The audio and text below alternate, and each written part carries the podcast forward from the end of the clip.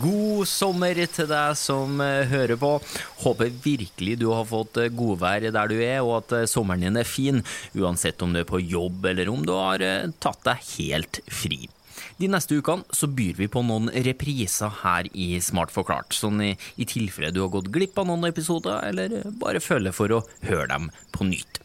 Først ut er jordskraperepisoden, og der har noen sendt oss spørsmål om hva som skjer i en jordskraper dersom det blir jordskjelv.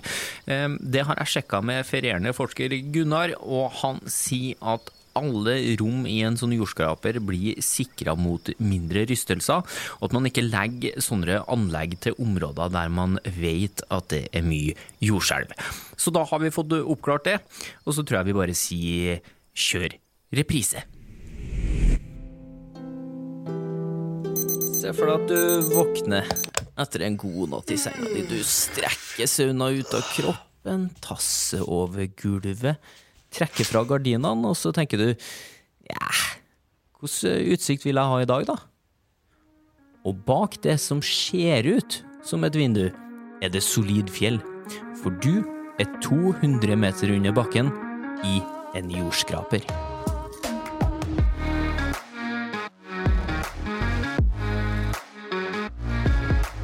Du hører podkasten Smart forklart med Aksel Faanes Persson. Hjertelig velkommen til en ny episode av denne podkasten fra oss i Sintef. Vi skal prøve å gi deg innblikk i den spennende forskninga som vi driver på med her, i det som er et av Europas største uavhengige forskningsinstitutt. Og sammen så skal vi trolig bli litt klokere, og samtidig få et sånn lite innblikk i smarte løsninger som venter oss i framtida. Akkurat denne episoden handler om jordskrapere, som eh, enkelt forklart er det motsatte av skyskrapere. Altså, i stedet for å gå fra bakken og opp, så går de her byggene fra bakken og ned. Eh, New York Skyline bare snudd på hodet, på en måte. Jeg vet ikke, Gunnar Jensen, var, var det riktig oppsummert? Ja, det kan du si. Du kan jo ha en pyramideform på det, hvor det er en eh, pyramide som går nedover. Riktig. Eh, det her skal vi dykke ned i sammen, men bare for å introdusere deg for eh, alle som hører på. Du er både psykolog og ingeniør. Det er en eh, kombinasjon man ikke hører så veldig ofte. Nei, en hybrid. ja, men Det er imponerende. ja. Gjennom jobben din i Sintef Community da, så har du annet sørga for at verdens lengste tunneler oppleves som trygge, og at de her tunnelene faktisk også er trygge. Og denne erfaringa så har du nå da tatt med deg inn i et annet prosjekt under bakken, i Singapore. Først, kan du bare beskrive hvordan en jordskraper ser ut eh, for alle som ikke har sett bilde av det? Ja, jeg har ikke lov til å si noe om eh, selve utforminga på den i Singapore, men vi har laga en eh, modell av det i virtual reality, hvor vi har testa ut ulike designløsninger.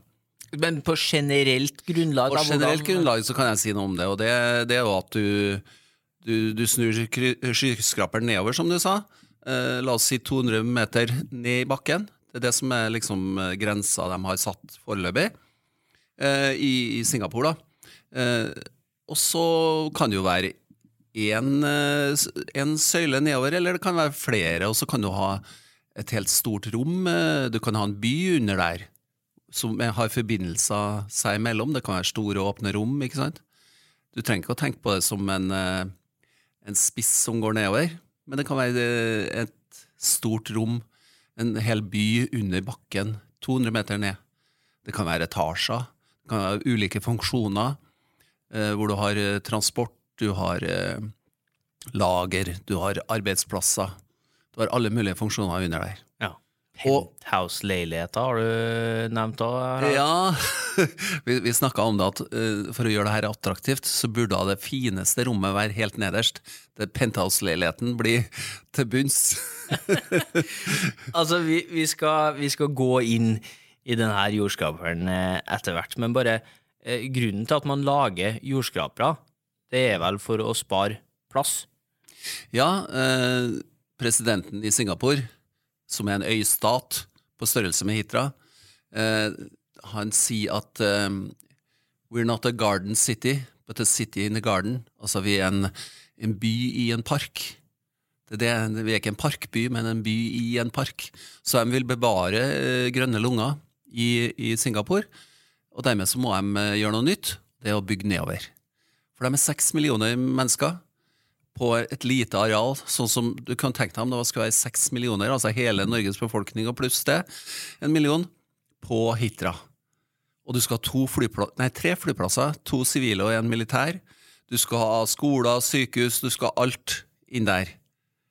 Eh, og da blir det trangt om plassen. Så jeg er nødt til å gå finne nye løsninger. Så hvor mye plass sparer man da på en sånn Du sier jo at det går an å se for seg at uh, det ikke bare er som en vanlig skyskraper snudd på hodet, men at det faktisk eh, Ja, det er en inngang, men under der så er det nesten en, en hel by. Hvor mye plass sparer man på overflata? Hva, hva er det som Ja, trengs? alt du trenger er jo Se for deg en liten glasskuppel, og inni den så er det en eh, inngang til en heis. Det, det trenger ikke å være mer enn 50 kvadrat på toppen i, i parkområdet. Nei. Det er som et lite vedskjul som du går inn i. Okay. Men det, det må jo være attraktivt å gå inn i. Det er det første som møter jeg. Så heisen, eh, ordene den er utforma, er også veldig viktig. Det har vi sett på. Og jeg har prøvd de fleste heisene i, i skyskrapere, og i dag så kan du oppleve det som Det går veldig fort. De går jo eh, veldig hurtig og, og veldig behagelig, og du har utjevna trykket, du får ikke noen trykkforandringer. Og det er veldig viktig, den her første møtet med reisen inn mot uh, dypet av jorda. Ja, men Ta oss med på den reisen. Altså, hvis vi går inn i det lille vedskjulet av en eh, attraktiv glasskuppel, eh, og så, så går vi sammen inn i heisen og så trykker Ja. du på eh, La oss si du trykker på knappen minus 50. Ja. Vi drar ned 50 etasjer under jorda. Hva er det som, hva er det som møter oss? Da vil det være et større rom du kommer ut i. Det er viktig å ha Vi ser at det er grunnleggende å ha lys og rom, stor takhøyde og, og god luft. Og du vil kjenne god luft der. Du vil eh, komme ut til et større rom. Det kan være grønne planter. Det kan være eh, vannkilde, et eller annet sånn eh, soundscape, altså. Lydene du hører er veldig viktig i tillegg. Du kan tenke deg en eh, skrekkfilm uten lyd. det blir veldig platt. Hvilke lyder snakker vi om da? Ja, det kan være uh, rennende vann. Det kan være uh, risling av vind i trær. Sånne ting. Ja. Sånne subtile ting som, som uh, du nesten ikke merker. Men vi har noen utfordringer her. Enkelte føler klaustrofobi eller en, en negativ tanke med å være under bakken. Ja, det var det første jeg tenkte. Hvordan sørger man da for at eh, man ikke føler seg fanga nedi der? Jo, Der benytter vi oss litt av kunnskapen fra erfaringene med, med lange tunneler, undersjøiske tunneler som kan være inntil 400 meter under sjøen. Eh, da må du bruke lys, rom og, og, og luft. Eh, og vi spiller veldig mye på lys og rom. Men det er kombinasjonen av det som gir det magiske. altså Den, eh, den plutselige uteopplevelsen, den luftigheten. Det er det som er clouet. Ja, hvordan klarer du det? 50, meter, nei, 50 etasjer under bakken? Da? Det er jo ikke bare å se ut av vinduet og så føle at du har frihet. Nei, men du, du kan ha et eh, Selv om det er lavt under taket, så kan du ha overlys. Vi, vi, vi, vi har jobba i en lyslab i Singapore hvor vi kunne variere lys og lys, varmen på lyset og, og fargen på det. Så vi har, funnet ut hvordan vi skal gi en illusjon av at det er himmelen over det. Og du kan til og med se skyggen av, av skyer som passerer eh, i taket over rommet. Det burde jo vært sånn i alle møterom som er, er midt inne i bygg. For det, der, er- der er det også avsondra fra, fra verden utenfor. Men altså, det, det snakkes jo om noen vinduer her. Det er jo selvfølgelig ikke vinduer som vi er vant med fra de byggene vi bor i, men det er vinduer som skal gi en illusjon av at du ser ut av et vanlig vindu. Altså, hvordan klarer du det? Er det en TV-ramme som er satt opp, og så spilles det av en film, eller hvordan, hvordan klarer har du å lure hodet mitt til å tro Ja. at jeg fortsatt ser ut av et vanlig vindu? Det har vi forska på. Ja. I, eh, både i virtual reality og i, i en lab under bakken. Eh, det er ikke bare å sette opp en TV på veggen og så eh, ha en, et webkamera på toppen. Nei. Det er bra, det òg, for å følge med på døgnrytmen og været utafor. Men skal du virkelig kjøpe det her, så er det devil in the details. Altså det, detaljene har veldig mye å si. Det må være et glass foran skjermen, som i et vindu. Du må ha en vinduskarm. Å ja. Ja, det må du ha. Det må være et reelt vindu. Da kjøper du mye lettere. Selvfølgelig. Men i tillegg så må det, må det ikke være bare et statisk bilde. Du må se bevegelse i det, og du må høre litt, litt lyder, sånn som vindsuset, eh, kanskje bølgeskvulp. Hvis det er noe vann i, eller rennende vann, så må du ha lyden av det.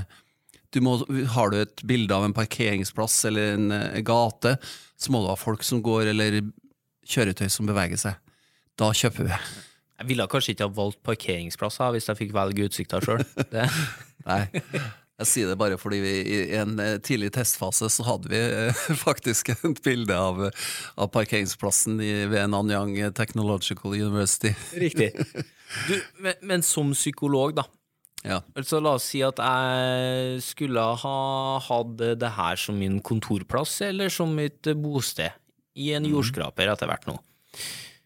Hva gjør det med hodet mitt over tid? Ja, det var noe som myndighetene i Singapore var veldig opptatt av. De var veldig opptatt av helse, så jeg jobba sammen med et team av leger, av psykologer, av ingeniører, for å finne ut om eh, hvordan du vil oppleve å være eh, over lengre tid, jobbe lengre tid under bakken. Eh, det er ikke aktuelt å bo under bakken i første omgang. Det, det, er myndighetene helt klare på. Det er arbeidsplasser. Ok. Og Første byggetrinn er noe som de kaller Science City. Da, da lager jeg et helt uh, plass for 5000 arbeidere. altså Et helt universitet med, med, professorer og studenter som de flytter under bakken, rett og slett. Uh, men de tenker seg flere sånne uh, byer under bakken her, da. Eller funksjoner.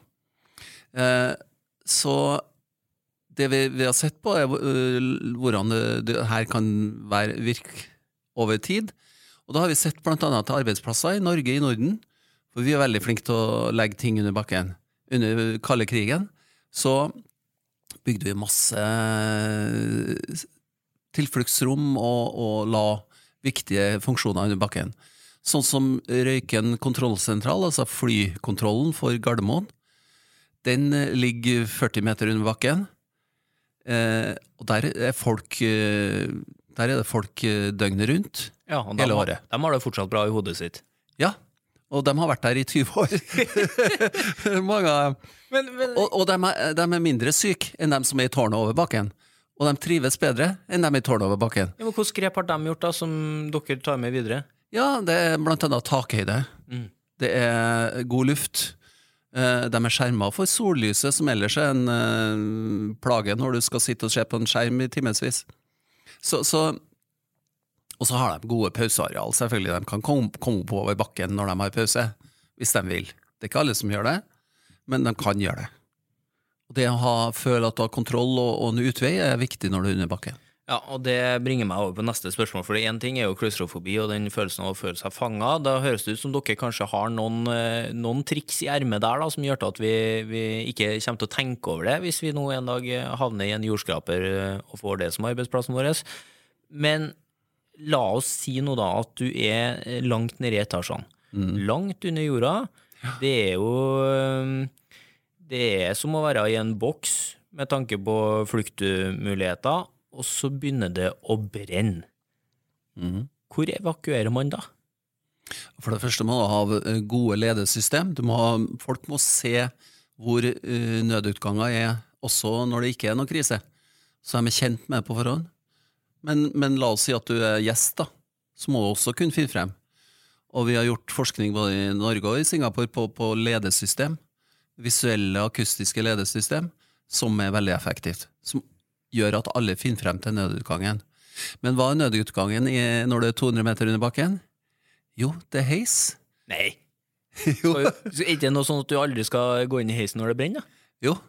Det, det, det ble en regel etter en brann i en uh, heis i USA og i noen Hongkong på 20-tallet.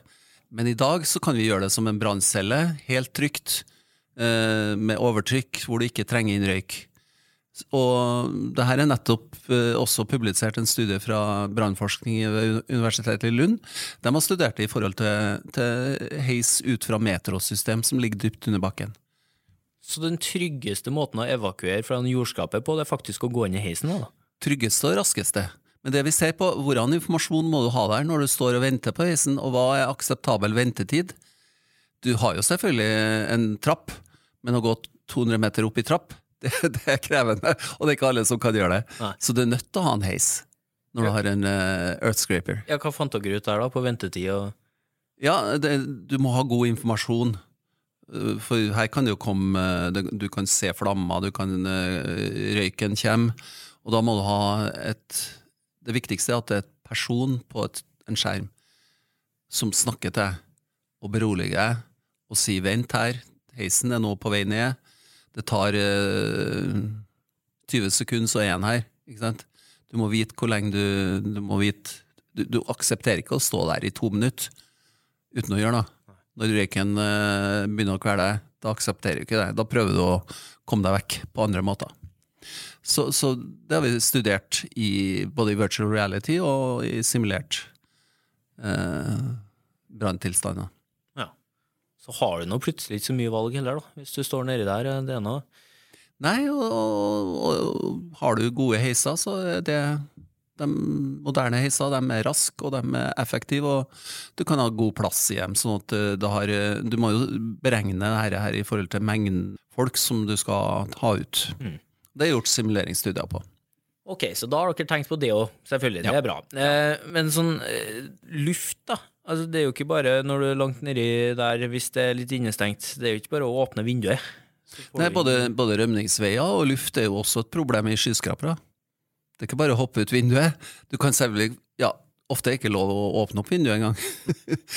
Så du er nødt til å ha gode ventilasjonssystem. Så eh, luft, frisk og fin luft, det skal ikke være et problem. Nei. Eh, Det er en eh, trussel da med, med radon, for det kan du finne i grunnen. Og det har de i Singapore. Det har de også på Røyken, hvor de har jobba 20 år under bakken, men det er ingen som har blitt syk av radon der, fordi de har gode ventilasjonsanlegg. Altså, nå prøver jeg å finne eh, minuser hele veien her, men du har jo svar på det meste. Kan jeg prøve en minus til? Ja, det kan du gjøre. Altså, det, det høres jo ganske dyrt ut å skal bygge eh, nedover og lage en slags miniby under byen. Er det dyrt, det her med jordskrapere? Nei, ikke nødvendigvis. Nei, det var ikke det heller. Nei, eh, altså det er dyrt å bygge en skyskraper òg. Og det er ikke noe dyrere å bygge under bakken. Men du må gjøre noen grep. I Singapore så, så, så selger de steinen de tar ut. I norske tunneler så bruker vi ofte steinen vi tar ut i tunnelene til, til å bygge opp.